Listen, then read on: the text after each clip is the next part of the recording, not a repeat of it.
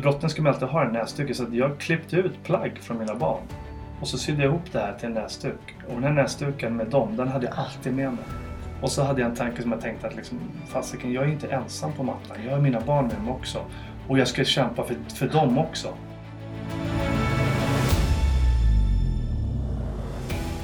Välkommen till Mentala Mästare. En podcast om mental styrka och om att prestera när det verkligen gäller. Mitt namn är Eva-Marie Vergård och jag gör den här podden tillsammans med Malin Lander. Vårt mål är att inspirera dig att bli medveten om hur mycket du kan göra för att både må bättre och prestera bättre. Oavsett om vi pratar om tävlingsbanan, träningsarenan eller livet som helhet. Följ oss gärna på Instagram, mentala mastare, där vi varje vecka lägger upp frågor och reflektioner från varje avsnitt. Och där du gärna får ställa en fråga som just du skulle vilja ha svar på. I denna veckas avsnitt, som spelas in i samarbete med Clarion Hotel Tapto på Östermalm i Stockholm, möter vi en sann mental mästare, tillika världsmästare i brottning, Martin Lidberg. En atlet som både har skördat mängder av guld på brottningsmattan under sin 24-åriga brottningskarriär, för att sedan fortsätta att prestera genom att till exempel vinna både Mästarnas Mästare, Superstars och dessutom Let's Dance.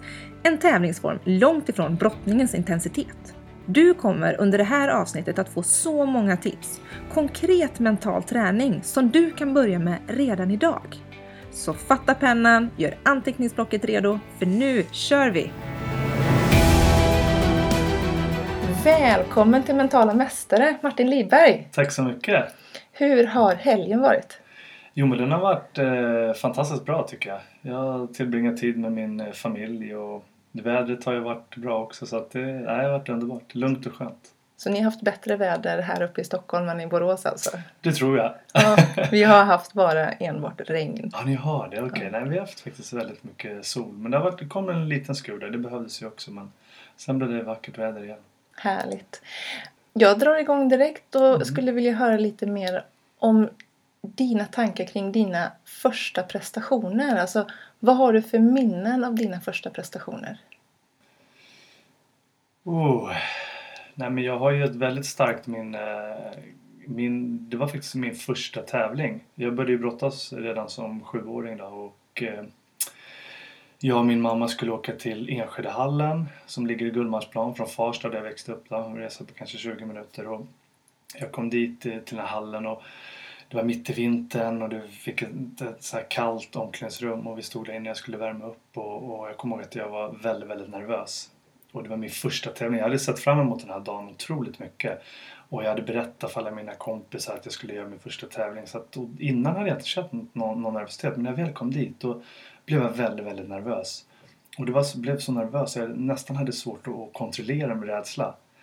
Eh, men eh, eh, så ett tag så var jag så här, ska jag verkligen gå den här matchen? Och mamma frågade, vill du göra det här? Vi kan åka hem om du vill. För jag började nästan må illa. Så, så nervös var jag. Eh, ja, jag måste fundera lite sådär. Så efter mycket om och men så bestämmer jag mig för att jag ska gå den här matchen ändå. Och eh, går in och går en stenhård match och, och, och, och vinner den här matchen. Då. Det var min första match, eh, en jämn, jämn match. Då. Men jag kommer ihåg den här otroliga känslan efteråt när jag klev av. Och det var inte för att jag hade vunnit matchen utan för att jag hade vågat trotsat min rädsla. Och det har man många gånger funderat på. Vad hade, gjort, vad hade hänt om jag hade åkt hem den här dagen? Eh, som jag faktiskt var väldigt nära att göra. Då kanske det hade varit ett beteende som jag kanske hade följt resten av mitt liv. Att så fort det blev jobbigt och man stod inför en jobbig uppgift så kanske man hade tagit bakvägen istället. Då. Så att, eh, det var mitt första minne och, och, eh, och just den här otroliga nervositeten då som jag kände när jag skulle gå in och prestera när det var allvar för första gången. Så där kände jag. Snacka om, alltså, snacka om vilken första gångs upplevelse i matchen som följer, för som jag förstått det så är brottning, det är flera matcher på en dag. Hur, mm. var, hur var den andra matchen samma dag? Ja, det var mycket bättre. Jag kände nervositet men inte alls det som jag gjort innan när jag darrade på benen och mådde illa. Utan då, då släppte det lite. Jag var nervös, jag var, var, var laddad och sådär. Och, och, så. Men eh, sen ibland eh, när jag var, när jag var yngre så, så kom den här nervositeten ibland då. Men inte riktigt så där kraftfull kanske som jag hade varit innan. Men jag lyckades kontrollera den där. Och jag tycker med åren så så tvärtom så började jag se det som en styrka. Eh, och jag kunde vända det till något kraftfullt istället. Hur mötte din mamma dig när, när du liksom fick den här nervositetskicken, alltså den här rädslekicken? Mm. Hjälpte hon dig eller var det du som tog dig igenom det själv? Eller hur, Hur jobbar du igenom rädslan? Mm. Nej, men jag tror att hon, eh, hon har ju varit väldigt duktig och pedagogisk på så sätt. Jag har ju en lillebror som eh, tagit medalj på OS och VM också, Jimmy Lidberg. Och vi har många gånger fått frågan hur vi har kunnat prestera som vi har gjort och sådär. Jag tror att eh, eh, våra föräldrar hade en viktig uppgift där utan att de visste om det såklart. Och framförallt min mamma, hon var ju den som var med mest då, eller våran mamma. Och eh, jag kände att vi fick ju liksom äga eh, vår egen satsning. Hon tvingade aldrig oss. Och hade hon sagt den där dagen när min första tävling var när jag var så nervös att du måste göra det här eller nej, nej, nej, det där, du ska gå in och köra. Då tror jag att då, då hade jag nog inte klarat av det. Men just när hon sa men vi kan åka hem om du vill. Det är du själv som får bestämma. Så jag fick själv ta beslutet och det tror jag var väldigt, väldigt viktigt. Och så har hon alltid varit. Och oavsett om man har förlorat matcher så har hon alltid sagt att men gud vad duktig du är och du gör det alltid ditt bästa. Och man såg på andra som kompisar då som blev utskällda. Ibland kunde man se brottning är tuff sport. Man kunde se eh, kompisar och som fick en örfil av sin pappa eller liksom, och mammorna skällde på dem när de kom av för att de hade gjort en sämre prestation. Och det tror jag skapar en ännu värre prestationsångest. Så att, eh, jag är väldigt glad att de, jag tror inte de vet själva, det är inte så lätt som förälder heller hur man ska vara. Vad tar du med dig själv i ditt eget coachande av din son? Nej, men jag försöker att tänka samma sak där. Jag, man sitter inne med mycket kunskap mm. eftersom man har hållit på med idrott hela sitt liv. Och det vill man ju delge honom. Men hitta den balansen där han inte känner press. Eh, och eh, även när han gör sämre prestationer så försöker jag, det är någonting jag verkligen försökt att ta efter från mina egna föräldrar. Att, eh, att ge en extra mycket kärlek och, och, och vad duktig du är och du är alltid det bästa och, och ändå hitta positiva saker. Då märker, då märker han också att det är inte utifrån hur han presterar, alltså om vi, hur vi älskar honom eller tycker om honom, utan alltid som vanligt ändå. Och sen är det här klassiska att försöka avdramatisera saker och ting också. Det är ju bara idrott vi håller på med, det är, ingen, det är inte på liv och död. Ja, ja. Helt rätt. Just, just den här också att, att känna att oavsett vad som sker på mattan eller i pallen, att man känner att fast de som betyder någonting för mig, mm. de älskar mig oavsett mm. hur det går. Mm. Och det är, det är lätt att man förstorar upp allting men om man skruvar tillbaka bandet så är det ju alltid frivilligt och man gör det för att man älskar det här och man tycker det är roligt och, och så vidare. Och det är inte på liv och död. Och det var någonting jag också försökte hitta när jag själv var aktiv sådär. Ibland inför OS och VM och stora tävlingar. Man hade, man hade förberett sig under flera år inför en tävling och så kom den där viktiga uppgiften att verkligen återigen försöka avdramatisera. Och jag kunde till och med tänka tanken att vad händer om det, om det, liksom, det går dåligt nu? Jo, men det, jag kommer ha kvar alla mina nära och kära i min, i min omgivning och mitt liv kommer inte förändras ändå i stort sett. Och när man tänker de tankarna och då, då blir man ganska lugn och då kan man liksom ta bort det och sen så fokusera på att jag ska ju faktiskt vinna, jag ska prestera, jag ska försöka göra mitt bästa och så vidare. Men eh, det, det kan vara bra ändå att tänka den tanken att det, för man bygger upp en rädsla. Det är, det är flykt eller eller kamp vi står inför när vi står inför en, en, en uppgift. Sådär. Jag tycker det är jättebra att du säger det för jag tror inte att alla kanske förbereder sig och ställer just den frågan. Vad händer om det, alltså jag är bäst, mm. men vad händer om jag inte är bäst? Mm, mm. Nej men många kan tycka att det låter negativt att tänka de tankarna men jag tycker absolut att man ska tänka den tanken och sen ska man inte fokusera så mycket mer på det men, men verkligen att vad händer om, om, jag, om det jag blir utslagen direkt eller det går sämre en tävling eller den här jag gör en sämre framträdande, man kan ju vara artist eller någonting annat. Så, att, så att det är inte hela världen. Livet kommer att se likadant ut ändå. Eh, och då, då, då, då, släpper mycket den här prestationsångesten. Så det tycker jag är jätteviktigt. Jag jobbade en gång med, med Brynäs eh, hockeylag. Jag skulle komma dit och föreläsa och coacha dem. Och de låg i eh, elitserien och de var nära att åka ner. Och då kommer jag ihåg att, att hela ledningen sa du får absolut inte ens nämna att vi kan åka ner. Vi, vi, vi, vi diskuterar, vi får inte ens, och de, liksom, de var livrädda, de hade inte ens tagit upp den diskussionen. Och jag kände bara tvärtom, att jag skulle faktiskt vilja ta upp det där. Men, jag hade, men de sa du får inte det och jag var där och föreläste och skulle inspirera dem. Så att, eh, jag höll med det jag hade lovat dem. Då. Men de hade verkligen behövt ett krissamtal och verkligen prata, prata ur det. För de underpresterade och gjorde det under en tid. Då. Ja men det förstår man ju för det blir ju som en elefant i rummet ja, som precis. alla är rädda för men ingen vågar ta i. Nej, alltså, precis så var det. Hur har du gjort då med tanke på att man har ju en driv, en passion och sen så finns den här pressen utifrån och inifrån. Hur har du skapat balansen för att inte gå över på prestationsångesten? Mm. Det var ju en svår balansgång ibland och, och eh, men eh, en del var ju det här, eh, precis som jag pratade om, att, att, att avdramatisera allting då.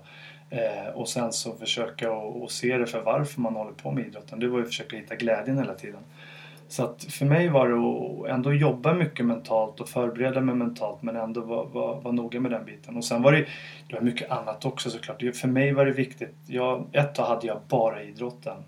Och jag kände att gjorde jag en dålig träning då kunde jag bli knäckt och nere gjorde jag en dålig tävling likaså och så vidare. Men, men jag kände att jag behövde andra saker jag också. Jag började träffa andra typer av människor. Och, så jag startade mitt eget företag när jag bara var 23 år.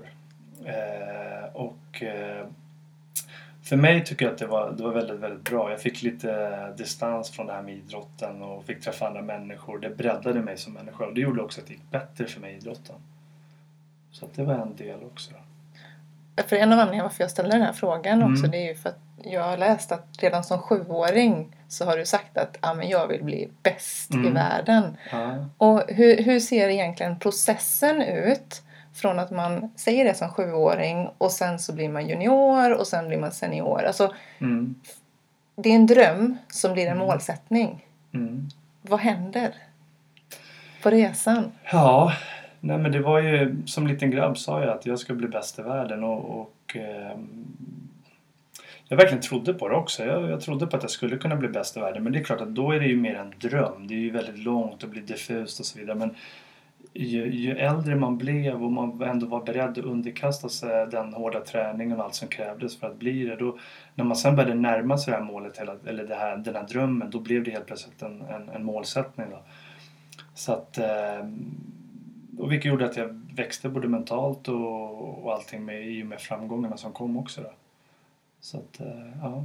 Och jag tänker, för där är ju verkligen ett resultatmål och jag jag antar att du sedan liksom blev mer och mer prestationsmål. Mm, mm. Men hur var, det, hur var det under juniortiden? För du var ju, du var ju bäst mm. under väldigt lång tid.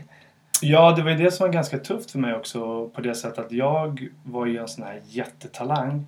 Och eh, jag vann, sen, jag, jag ska inte säga att det bara var talang, jag älskade att träna. Jag älskade, jag tränade jämt. Det var, och det var inte så att folk behövde tvinga mig utan det var det jag, när jag var ledig så tränade jag. jag det var ett driv som jag hade inifrån. Då. Men, men eh, vartefter jag blev eh, bättre och bättre och utvecklades hela tiden så, så höjde man ju såklart eh, målet hela tiden. Då.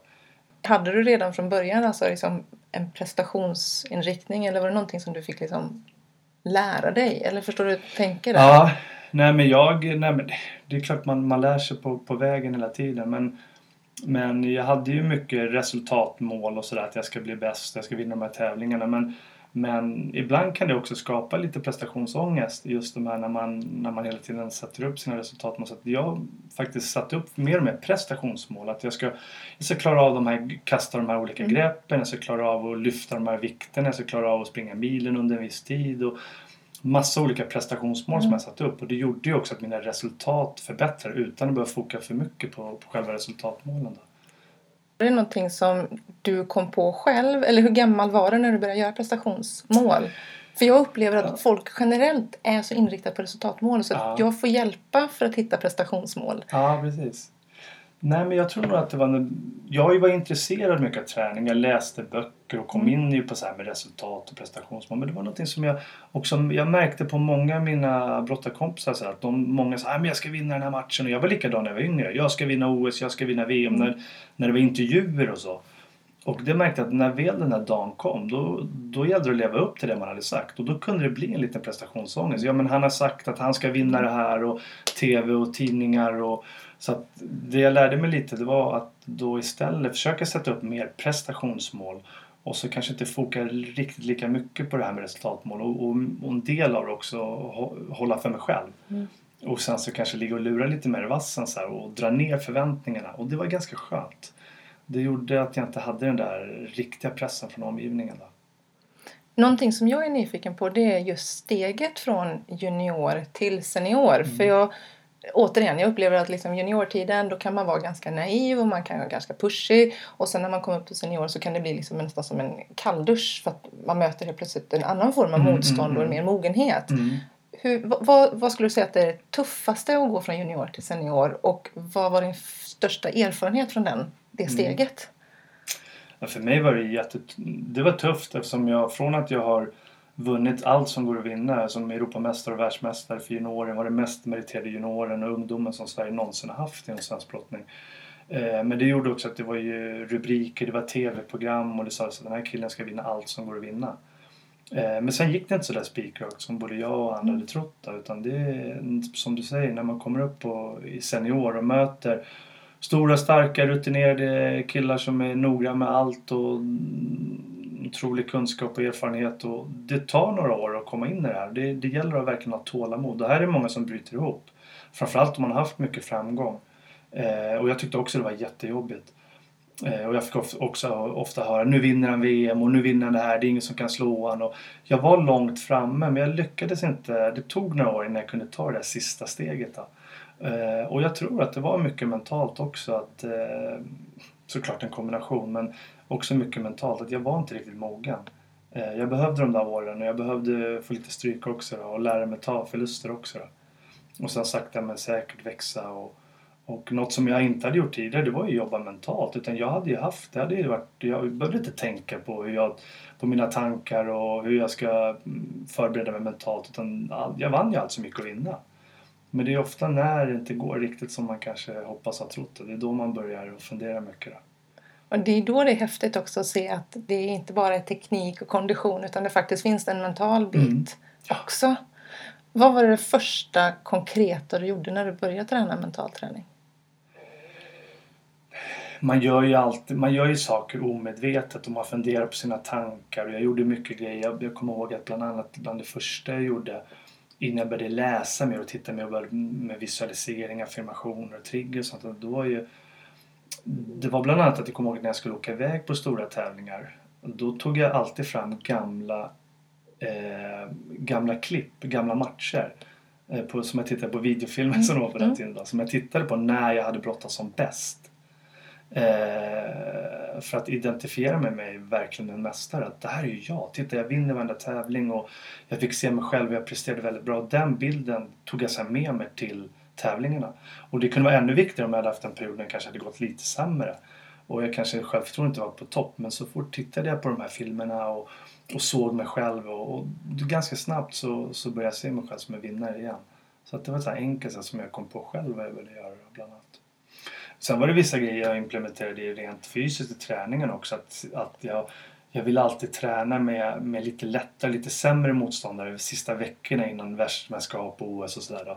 Eh, just för att känna mig stark och få vinna mycket matcher på träning. Alltså, det gjorde också att det byggde ett självförtroende. Eh, så att, eh, sådana här små grejer. Då. Små grejer, men vilka bra tips! Mm. Alltså jag upplever ju generellt att ju närmare tävling man kommer desto hårdare måste man träna, desto mer måste man pusha sig själv. Vilket innebär att man bygger upp en prestationsångest mm. och så blir det nästan, alltså man är helt utpumpad när mm. det tävlingsdagen kommer. Så just att som du säger, bara boosta sig själv, göra mm. det som känns enkelt. Och egentligen om man, man kan lite träningslära och sådär så egentligen så ska man göra egentligen tvärtom. Utan du ska egentligen vila ganska mycket sista inför, jag menar du har gjort jobbet, du har gjort din grundträning, kondition, styrka och, ja, och de kraven som krävs då, det utifrån det man håller på med. Men, eh, men sista veckan då också sånt som är ändrades, som du sa, man ville träna för nära på, man vågade inte lägga in för mycket vila. Men, men också att man lärde sig att jag har gjort mitt jobb nu, jag kan inte bli bättre. Nu är det nu jag ska få min superkompensation, jag lägger in några vilodagar har gå ut med kompisarna, ha kul, mm. fika, snacka, garva och tänka på andra saker. Mm. Det var viktigt för mig. Eh, det kunde man också, att man låg hemma och bara funderade på den här tävlingen sista veckan. Eh, det tog en massa energi också så att eh, hela tiden lärde mig att pröva nya vägar och skruvade lite här och lite där. Och, och så. Sen, vi var inne på det innan vi satte igång här, men just det, det är så individuellt också. Det märker man träffar människor. Det som funkar för mig, det kanske inte funkar riktigt för någon annan. Och Ibland kan det vara så att det bara, man märker på mig att det är bara en enda liten tanke som kan förändra ett helt förhållningssätt. Och sen kan få liksom all prestationsångest att försvinna och få den här människan att prestera bättre än vad någonsin har gjort. Och man frågar, men vad var det som gjorde det? Nej, men jag tänkte så här och jag har alltid tänkt så här och så började jag plötsligt tänka så här. Och det kan vara bara en liten, liten tanke. Jag hade själv en sån där faktiskt, en, en som förändrade väldigt mycket av mitt tankesätt ganska tidigt också. Det var, fast jag var senior men det var det var att jag kände mycket att jag ville betala tillbaka med medaljer till mina föräldrar, till mina tränare. De lade ner så otroligt mycket tid. De var med mig över hela världen och de peppade och pushade. Och, och då, då gjorde att, att, eh, att den här eh, prestationsångesten, alltså, eller kravet, blev liksom ännu större. För jag hade ju dem på mina axlar också. Jag skulle, nu skulle jag inte bara prestera för mig utan jag skulle betala med medaljer till dem också. För jag visste att jag skänker dem glädje om det går bra för mig. Och det gjorde liksom att, att min prestationsångest ökade. Men då satte jag ner mig med min tränare och, och, och, vi pratade om det här med förlust och vinst. Och då sa han till mig att Martin, om du förlorar en match, då, eh, då kommer vi såklart, då ska man, man ska alltid utvärdera sina förluster. Och även vinster också, mm. men framförallt förluster. Och då kommer vi alltid kunna hitta någonting som du kan förbättra. Och det innebär ju att du blir en bättre idrottsman. Så varje förlust kommer att göra dig lite bättre som idrottsman. Och just den lilla tanken att fasiken en förlust gör mig bättre om jag utvärderar det här och hittar, jag kommer alltid kunna hitta någonting. Den lilla gjorde att nästan bara pang så försvann jättemycket av den prestationsångesten jag hade. Tack vare att jag kunde tänka så att ja men fasiken det är ingen fara att förlora, det kommer att göra mig ännu bättre. Helt underbart. Mm, så lite, det, det är det som jag säger alltid med ja. små, små tankar. Jag, jag kommer så väl ihåg när jag fick en sån här aha-upplevelse när vi satt och diskuterade det här. Och, och jag bara kände liksom ah, det finns ingen rädsla att förlora utan tvärtom. Det, det, kommer, det kommer göra mig bättre. Sen är det klart att fokusen återigen ska vara på att vinna matcherna och, och prestera. Men... Men, och jag tycker att nyckelbit du säger där, det är just också kommunikationen. Mm. Att få sitta och säga det högt. Mm. För bara att vi sitter här och, och du som lyssnar kanske sitter, ja men det ska jag tänka på. Men att faktiskt sätta sig ner med någon och säga det högt också ja. så att man verkligen befäster i det medvetna eller skriver ner mm. så att man liksom mm. inte bara tänker tanken utan kommunicerar den också. Och sen få höra från någon annan också ja. som när min tränare sa det till mig själv. Så, så det, det var väldigt kraftfullt. Det, det är någonting som jag Alltså man måste våga misslyckas för att bli mästare. Och det, jag har fått många gånger fått frågan men hur kan det gå så bra även efter din nyhetskarriär? Du har vunnit Let's Dance, Mästarnas Mästare, det är olika grejer och tävlingar och sådär efteråt. Så men det är någonting att jag, som jag har fått med mig från det, att verkligen våga misslyckas. Mm. För det är då man, det krävs för att man ska kunna lyckas med saker och ting. Och det precis som det var i min idrott. Det är ingen fara utan det gör oss lite bättre varje gång vi misslyckas. Eller misslyckas, mm. eller vi stöter på hinder ja. kanske man ska säga istället. Hur var du när du var yngre och fick en förlust? Alltså hur, hur hanterade du förluster då? Jag var väldigt dålig förlorare, jättedålig. Både jag och min bror och, och så och hela familjen. Du vet, Fia med knuffkus och sådana andra lägen. Nej, inte riktigt men.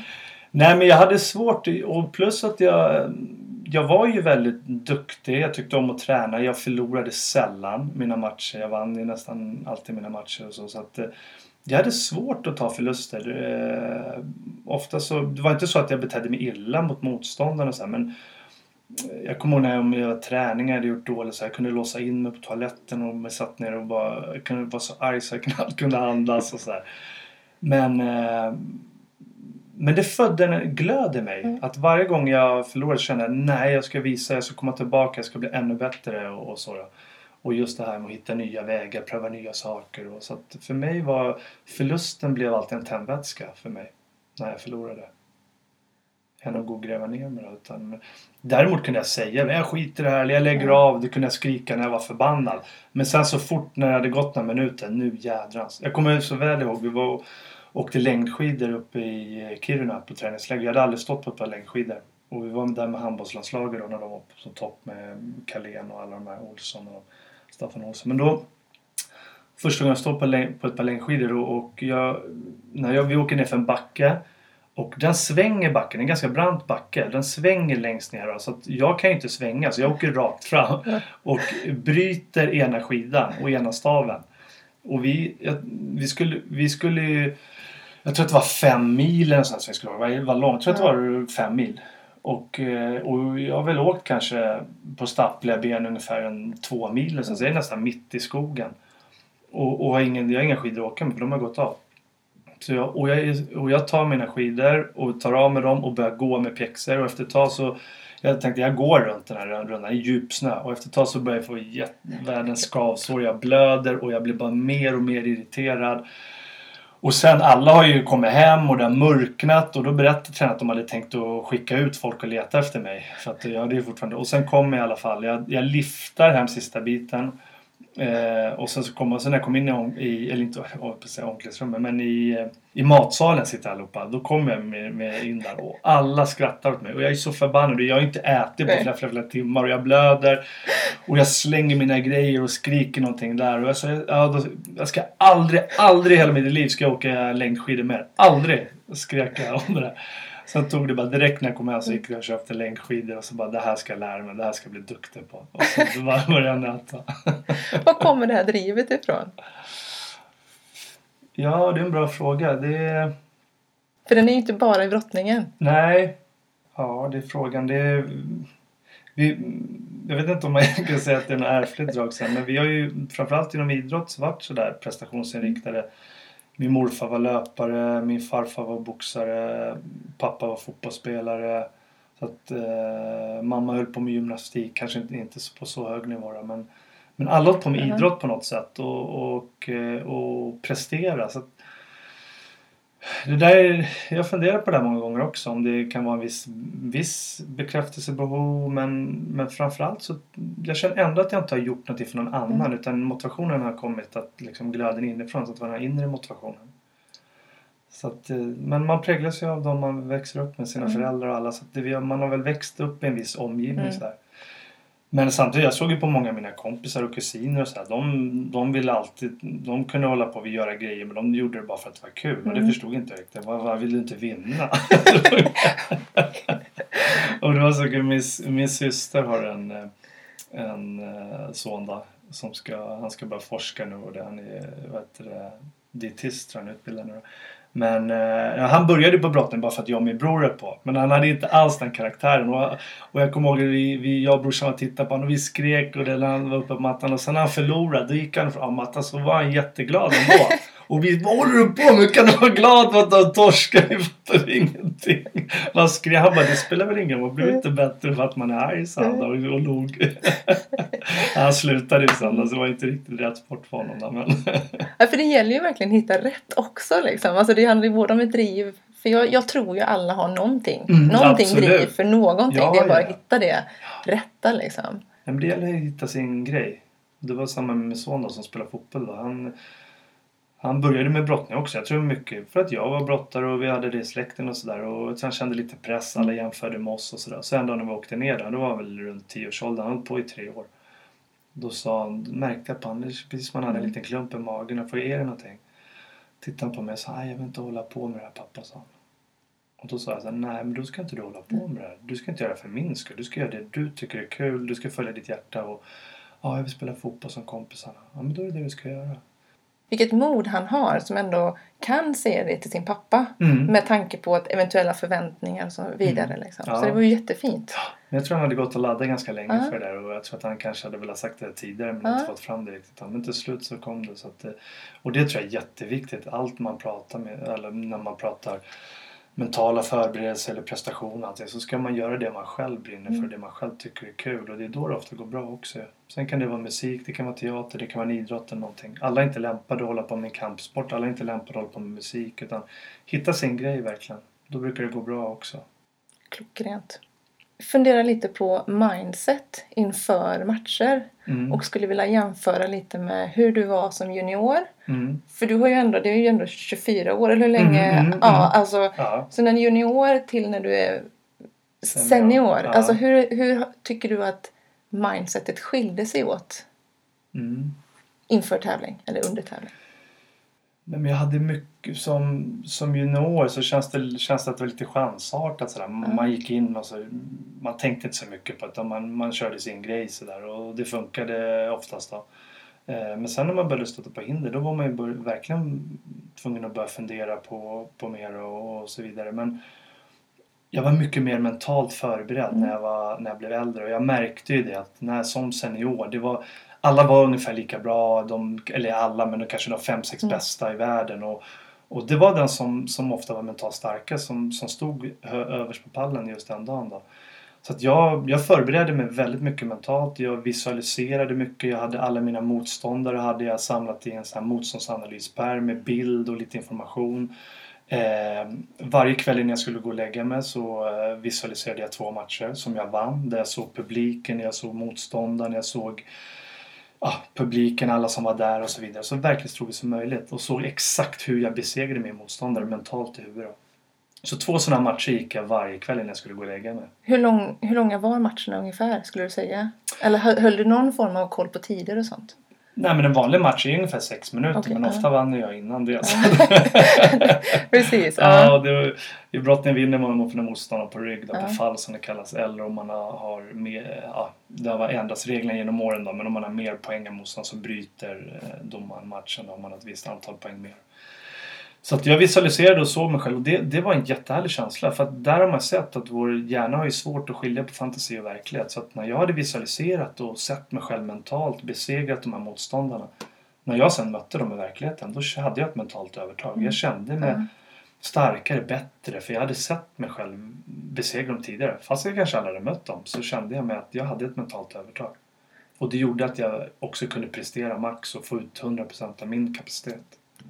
Skulle du säga att det här, du, du berättade om att du kollade på filmer mm. innan också. Skulle du säga att det skulle kunna vara en inkörsport till att träna sig själv visuellt? Eller skulle du hellre se att man verkligen sätter sig ner och blundar och ser det visuellt från början? Förstår du frågan? Mm, mm. Nej, men jag tycker det är ett bra sätt att ta fram eh, klipp då, mm. filmklipp där man ser sig själv vinna tävlingar eller presterar väldigt, väldigt bra. Mm. För det bygger ett självförtroende och, och en, en, stark självbild tycker jag. Så det, det tycker jag absolut är en bra inkörsport. Och sen där, gå därifrån, mm. precis som du säger, att börja visualisera och mentalt i huvudet se sig själv då. Mm. Vinna olika matcher eller prestera bra. Mm. Det, kan ju vara, det kan ju vara viktiga möten eller föreläsningar. Det behöver inte vara inom idrotten men nu, nu pratar vi idrott. Så det, det tycker jag absolut. Jag tänker just att man, man vill ju gärna förenkla. Jag tänker just när man ska prata med någon om mm. att hur ska du göra? För att ibland jag själv kan jag säga jag har jättesvårt att visualisera. När jag visualiserar så måste jag skriva. Mm, okay. Så jag måste ja. skriva ner det först innan jag kan visualisera det ja, bra. För jag ser det genom text och sen kan jag se bilder. Ja, just det, just det. Och då tänker jag att det är säkert andra som också behöver andra hjälpmedel för att hamna rätt. Sen kan man ju ha bilder också. Det behöver inte vara att det kan ju ta fram fotografier mm. och så vidare. Eh, men sen det här med visualisering, det är ju också en träningssak. Mm. Det är ju, I början brukar folk känna att det är väldigt svårt att koncentrera sig. Man börjar tänka på andra saker och tankarna flyger iväg och sådär. Men helst att man försöker vara så avslappnad som möjligt och, och, och se allting så verklighetstroget som möjligt. Använda så många sinnen mm. som möjligt. Då. Så att, eh, det är en träningssak också. Så man, det är ungefär som en meditation. Man, mm. man går djupare och djupare in i det här. Och, och det, ju mer man har gjort det här desto bättre blir man på att visualisera också. Sen lite det du sa också där med skillnad med junior och senioråldern. Jag, jag eh, blev medveten väldigt mycket om mitt self-talk, de här inre dialogerna man har med sig själv hela tiden. Det är ju så vi tänker eller via visuella bilder som uppkommer i vårt huvud. Så det, där kunde jag eh, periodvis ha negativa inre samtal som, som jag inte hade tänkt på direkt. Men när jag började prata med min tränare och så då då, och jag började, vi började diskutera det här, då blev det mer påtagligt. Jag började till och med skriva mm. upp saker. Negativa tankar som faktiskt kom upp mm. i mitt huvud. Ofta kom de här tankarna upp när jag som minst behövde dem. När jag mm. var som minst stressad och, och skulle prestera max. Eh, och då fick jag också i uppgift att jag skulle överföra varje negativ tanke till en positiv mm. tanke. Hur jag egentligen borde tänka. Eh, och så skulle jag jobba på det här och så försöka få bort de här negativa tankarna. Så att, eh, det var någonting att jag alltid hade ett positivt self-talk. Eh, de här alltid tan positiva tankar när jag skulle gå upp på mm. mattan. Mm. Att idag, jag, jag känner mig otroligt stark idag. Idag är det ingen som slår mig. Och, och jag har tränat mycket hårdare än de andra och sådana här saker hela tiden. Och det vet man, det påverkar oss. Mm. Och när du säger så, för en, en sak som jag får ofta frågan över det är när, när man ska prata med sig själv. Ska jag då säga jag kommer fixa detta eller Eva-Marie du kommer att fixa detta? Alltså mm, förstår du skillnaden? Mm, så att, mm, men du använder jag-formen där? Nej men jag använder mycket jag men jag använder Martin ibland också ja. men framförallt i textform för ja. jag, eh, jag, jag skrev träningsdagbok För jag tycker det är viktigt. Man kan gå tillbaka och se om man är i väldigt bra form så kan man gå tillbaka och titta så här, men hur tränade jag det här året? Jag var ju väldigt bra då. Eller man kan, ibland så kanske man tycker att man kanske inte är så här 100% i bra form och så tycker man men jag tränar så mycket och så vidare. Så tittar man, men här missade jag, här var jag sjuk och så ser man, man får en övergripande syn.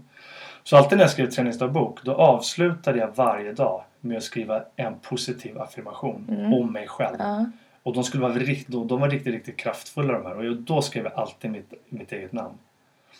Eh, Martin Lidberg kom i sitt livsform till nästa tävling och han kom att krossa alla sina motståndare. Åh, läckert. som jag ofta använder. Ja. Eller olika sådana här. Jag skriver olika Mm. men, men, väldigt, väldigt kraft, kraft. Och, och ibland när jag, innan jag åkte iväg på tävlingen också, då kunde jag ta upp min träningsdagbok och så tittade jag på läste igenom och såg alla de här otroligt tuffa passen Mm. liksom, som jag hade underkastat med. Två pass om dagen ibland och, och väldigt, väldigt ofta. Och så, så läste jag de här affirmationerna och inmatades med det här positiva. Mm. Martin, Martin, Martin, Martin. Med positiva ord och meningar. Och det, och allt det här det gjorde att jag kände mig otroligt kraftfull. Och, det, och när du säger det här med kraftfull och den här Mm. power-känslan. Du nämnde också triggers. Mm. När använde du triggers och hur, hur Mm. såg processen ut när du skapade dem? Mm, mm, mm. Det var faktiskt också en, en tränare, vi bollade ju mycket här idéer och sådär och han tyckte att jag skulle ha en trigger och många har ju det här utan att de tänker på Mm. det direkt. Man kanske har någonting i sin uppvärmning som man gör någon typ av rutin eller någonting precis innan man ska gå in i matcherna eller någonting. Jag började alltid, jag brukade alltid också efter uppvärmningen, då brukade jag visualisera matchen som jag sen skulle gå mot där just den motståndaren och såg mig själv besegra honom då. Så det gjorde jag också precis innan då, så det var också en del sådär. Men, men en trigger jag hade, det var att jag... I brottning ska man alltid ha en näsduk med sig. Om man börjar, för ibland skallar man till, ibland kan det vara medvetet och ibland så råkar man krocka ihop med huvudena så man börjar blöda lite. Så då ska man kunna ta upp den här näsduken och torka bort om man får lite blod. Då.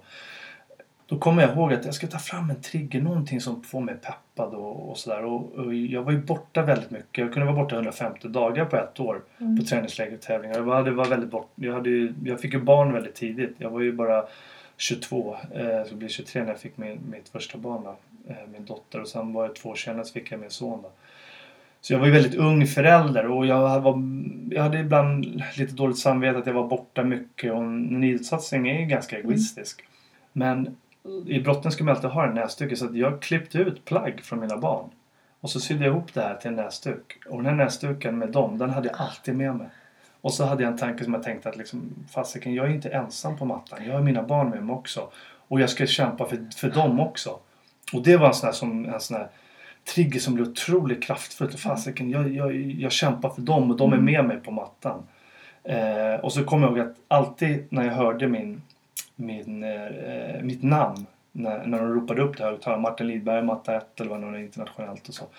Då tog jag alltid upp min näsduk med plaggen och så vecklade ut det här med Nathalie och Isaks eh, plagg och så tog jag den där till mig så här. Så tog jag alltid ett djupt andetag och så knöt jag näven och så sa jag till mig själv så här. Ingen är bättre än mig och det ska jag bevisa nu. Och så gick jag upp på mattan med kraftfulla steg. Och den triggern den körde jag i mina sista tre år i brotten. Det var så otroligt kraftfullt. Alltså wow. Mm.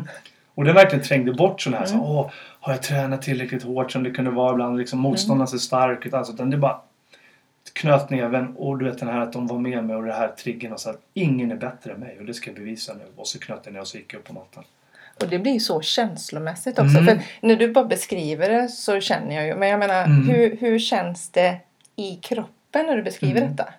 Nej, men jag kunde ju bli alldeles euforisk där. Bara gåshuden så här. Det fanns bara kände liksom Det kändes som att man kunde gå igenom berg liksom. Bara att ha en sån trigger Ja. som var så kraftfull. Och det var någonting som funkar för mig. Sen kan det... Sen kan... Jag menar, alla hittar sin grej. Men just det här att jag... Fasiken, jag är borta 150 dagar per år från dem. Fasiken, ska jag vara borta från dem och så ska jag förlora den här matchen. Sen kan ju vissa kan ju bli... Och det, men det, det var så otroligt kraftfullt och det, det fick mig att verkligen kunna prestera maximalt.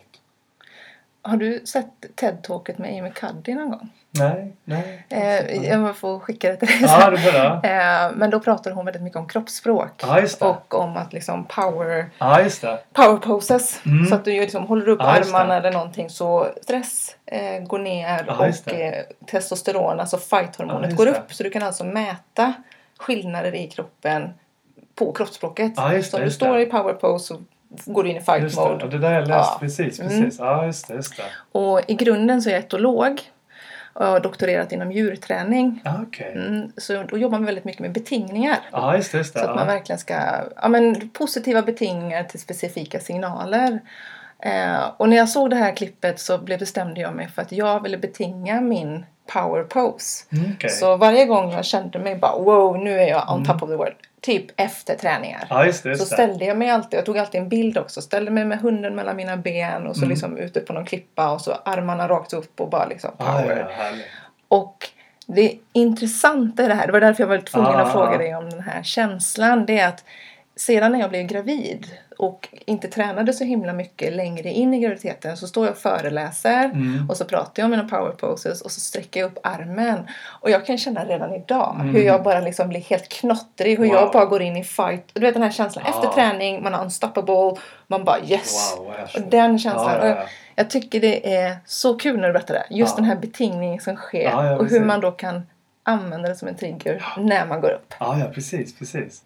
Jag kommer att tänka på en annan sak som vi gjorde ett tag också, som eh, just det här med att betinga. Vi, de brukar säga att luktsinnet är kanske vårt starkaste Mm. sinne.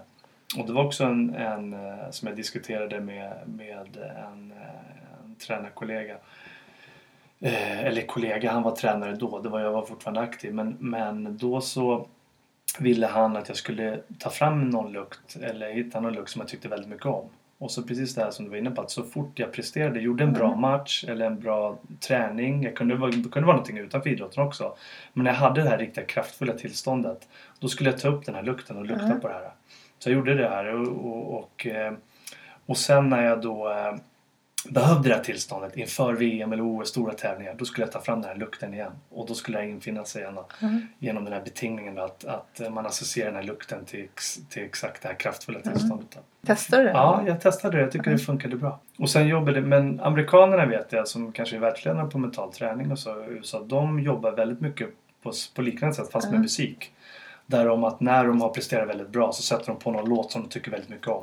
Och sen inför det, sen när, de, när den här stora utmaningen kommer sen längre fram, då sätter de på exakt den här låten som de liksom har jobbat med under en längre tid. Då, när de har haft det här kraftfulla tillståndet.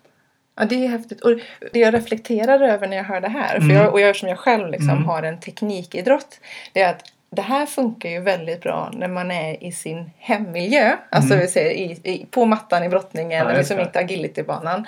Eh, men jag var med i Atleterna, så här tv-program, och då skulle vi göra häck. Ah, okej. Och då kan jag säga att häck och power mode Just går det, in. såg jag det programmet. Det kommer jag ihåg. Ja, Ah, det går okej. inte ihop. Nej, nej, nej, nej, inte om man aldrig hoppat häck okej, förut så går det inte ihop.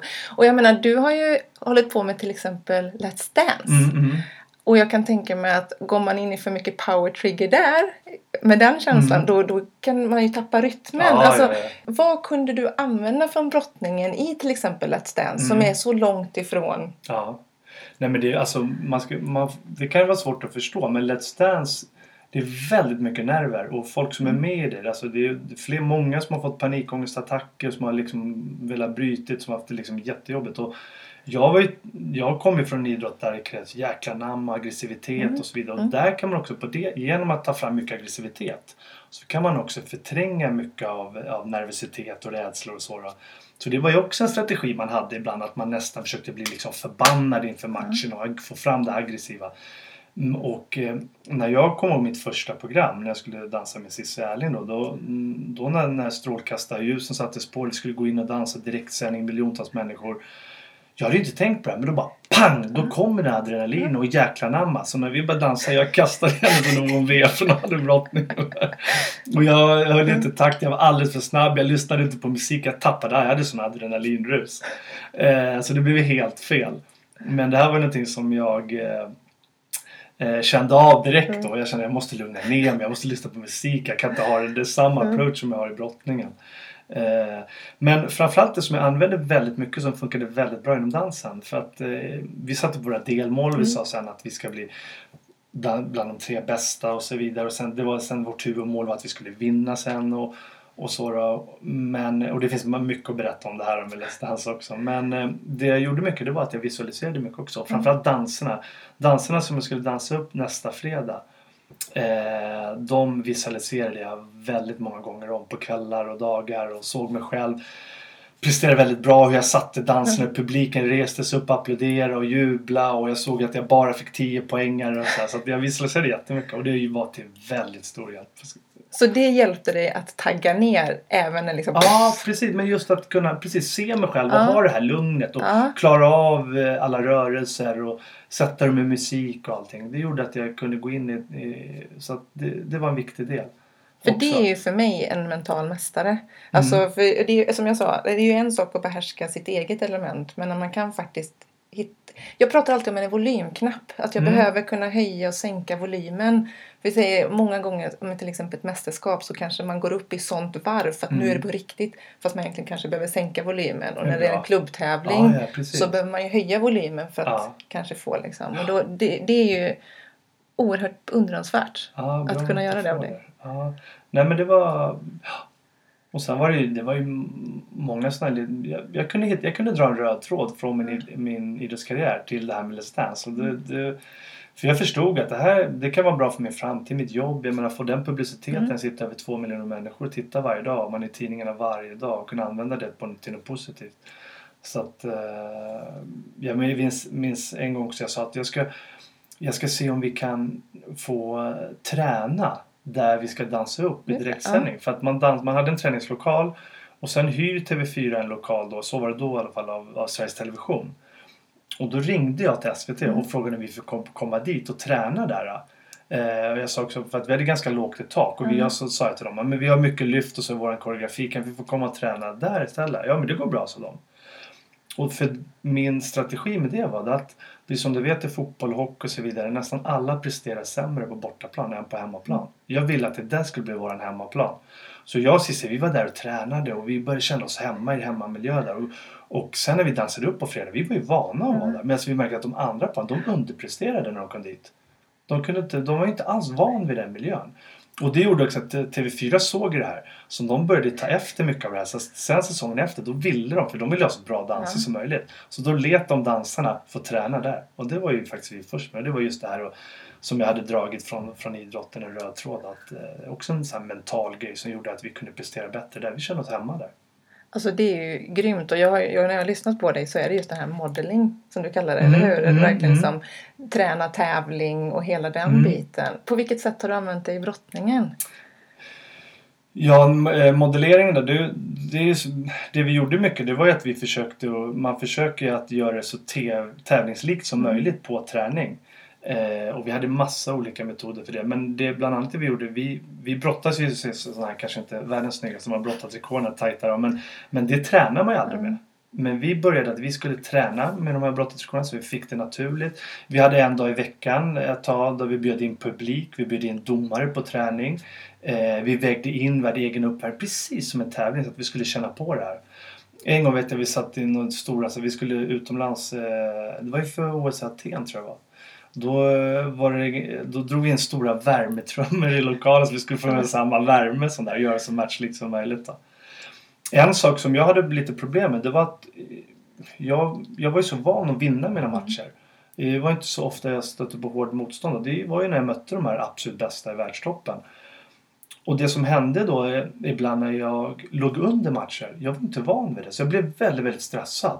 Och det kom in negativa tankar. Åh, jag håller på att förlora. Nej, nej, nej, jag måste... Och så, och så började jag spänna mig och så började jag stressa så rann tiden iväg. Och det vi la in som modellträning då bland annat. Det var att vi la in eh, i min träning när vi bjöd in mot, eh, motståndare, sparringpartner. Eh, där jag fick ha poängtal se poängtal. Jag fick se att jag låg under. Matchen började, jag låg under med 5-0 exempelvis. Och det var riktigt domare där och då i början kunde jag också få den här stressen. Men sen så tränade jag mycket och mycket via det self-talket också som jag byggde upp. Att det är lugnt, det är mycket tid kvar. Men jag behåller lugnet så kommer jag vända matchen och vinna.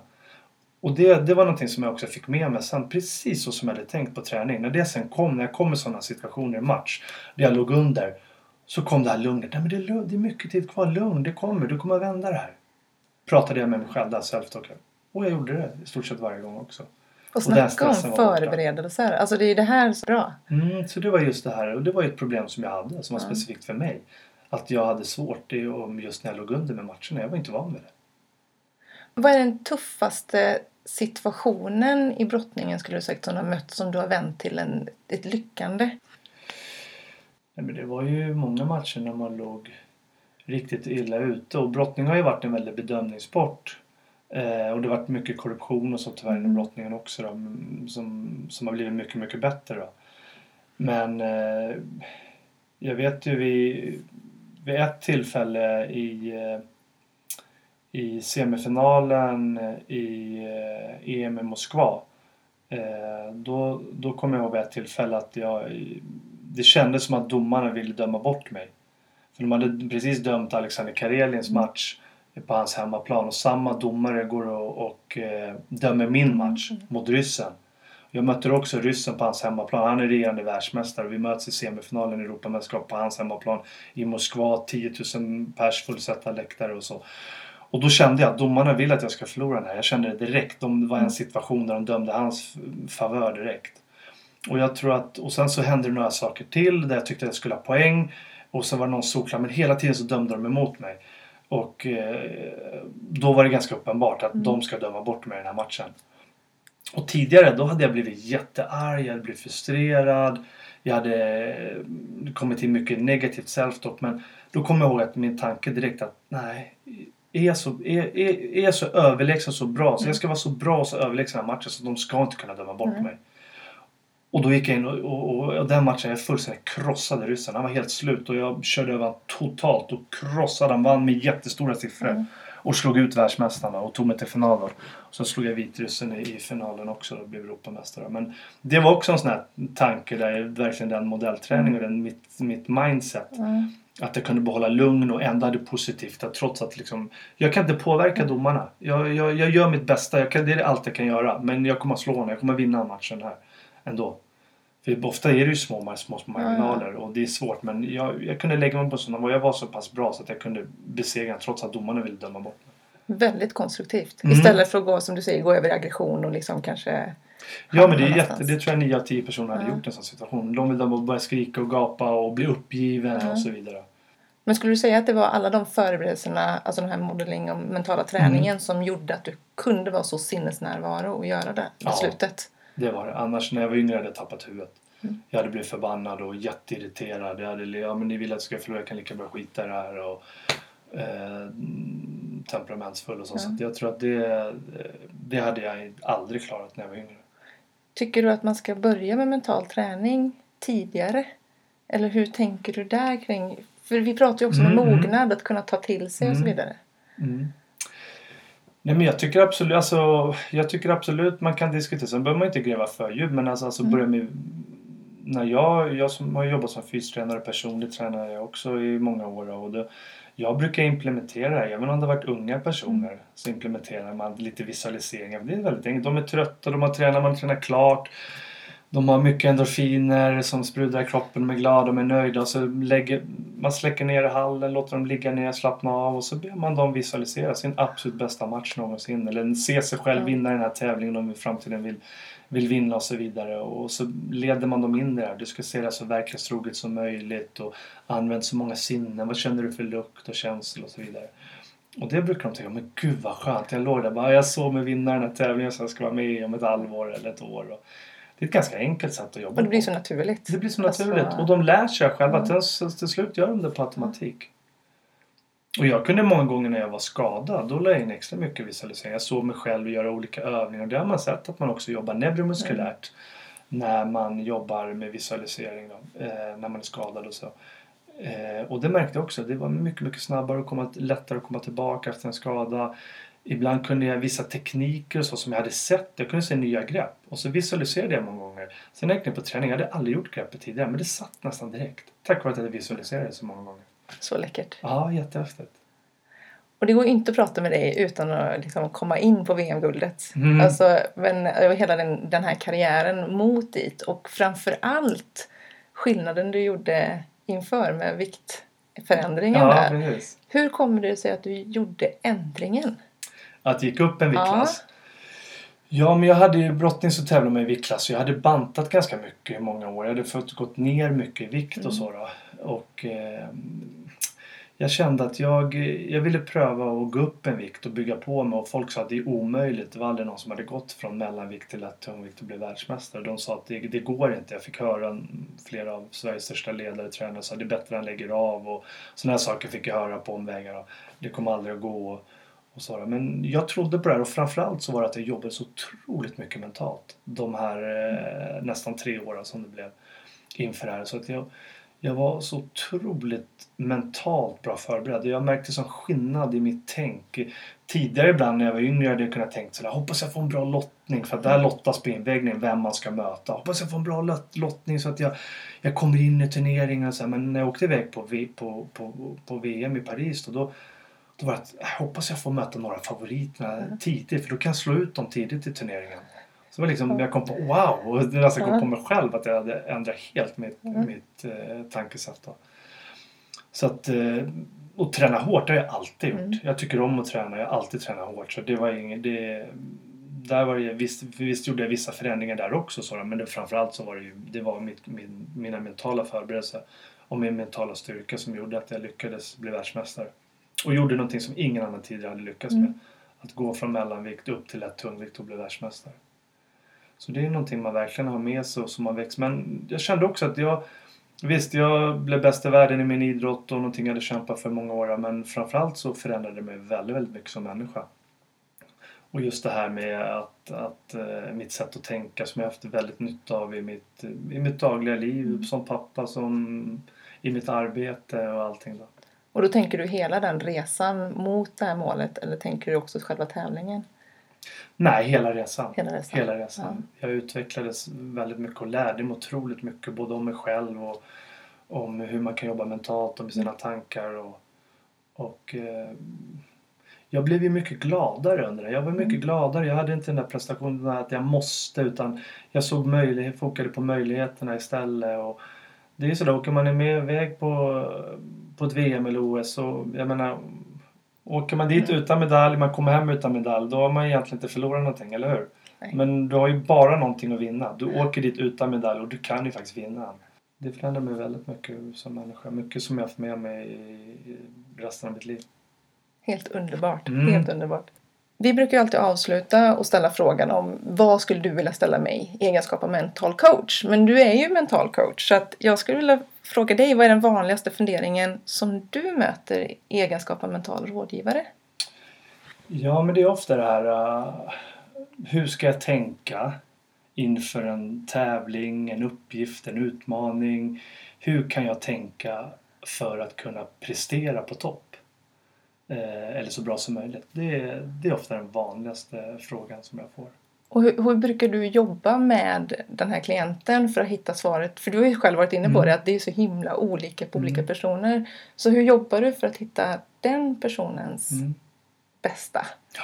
Det finns ju inga enkla eller snabba svar här och det kanske en del tror att man ska kunna ge dem några meningar och så ska de nå en helt ny nivå direkt. Utan här gäller ju, det gäller ju faktiskt att lära känna den här personen lite grann och, och framförallt ställa väldigt mycket frågor. Jag vill ju veta hur den här personen tänker mm. eh, inför tävlingar, inför hur den har förberett sig både mentalt och fysiskt och, och eh, då brukar man hitta saker som kanske kan vara prestationsångest eller saker som de kanske kan förändra sitt tankesätt och, och sen gäller det att implementera det här så att det här i den här personens eh, hjärna då, så att den själv börjar tänka lite annorlunda och hitta nya vägar. Mm, och det är ju verkligen den, den biten i det här jobbet som är det, det tuffaste just att liksom vägleda mm. men som också är mest mm. lärorikt både för en själv och för den man möter. Mm. Men jag tror att man, man, måste ha, man måste älska det man gör man måste ha en nyfikenhet precis som jag märker att du har. Eh, det är jätteviktigt för att man måste verkligen vara nyfiken på den människan. Man ska liksom grotta, gräva sig in i den skalle mm. och hur tänker den och, och, hur kan man få mm. det här att förändras och så vidare. Och hur kan man få den här människan att förändra sitt sätt att tänka för att kunna bli lite bättre eller prestera bättre eller må bättre mm. eller vad det nu är. Klockrent. Och sen så avslutar vi givetvis alltid med att höra vem skulle du vilja lyssna på i den här podden? Oj. Och vilken fråga skulle du vilja ställa den personen? Ja, det är nog två personer jag skulle vilja höra. Det är Eh, läkaren och, och författaren och psykiatrikern eh, Anders Hansen som har skrivit boken Hjärnstark. Han eh, beskriver ju väldigt väl vad som händer i hjärnan när man tränar och så vidare. Och jag skulle veta om han hade något svar på om man kan se om det sker några strukturella förändringar i hjärnan när människor förändrar sitt sätt att tänka och förbättrar sitt självförtroende. Det skulle jag tycka var väldigt, väldigt intressant. För det, jag tror faktiskt att där kan man säkert se någon typ av skillnad. Jag tycker gott han kan skriva en sån bok på den biten också. Ja. Sen skulle det vara kul att höra Zlatan också som eh, har ett enormt självförtroende och, och om han alltid haft det där självförtroendet eh, ända sedan han var liten eller om det är någonting som har gjort att han, att han, har, att han har fått det här eh, självförtroende som man har. Då. Och, men han, han skulle man ha många frågor till om, det, om man verkligen har så bra självförtroende eller om man går in i en roll eller eh, kanske att det, det, är lite, kanske inte lika kraftfullt i andra situationer. Det skulle vara jättespännande att ja. verkligen sätta sig ner och ha ett förtroligt samtal och inte bara ett... Nej, precis. För så är det ju med självförtroende. Man kan ju världens bästa självförtroende mm. när man ska gå in och idrotta. Men sen ska man gå in och sätta sig och plugga eller gå in och göra någonting annat. Då kanske inte självförtroendet är på topp. Så ibland kan det vara väldigt starkt relaterat till en specifik sak. Mm.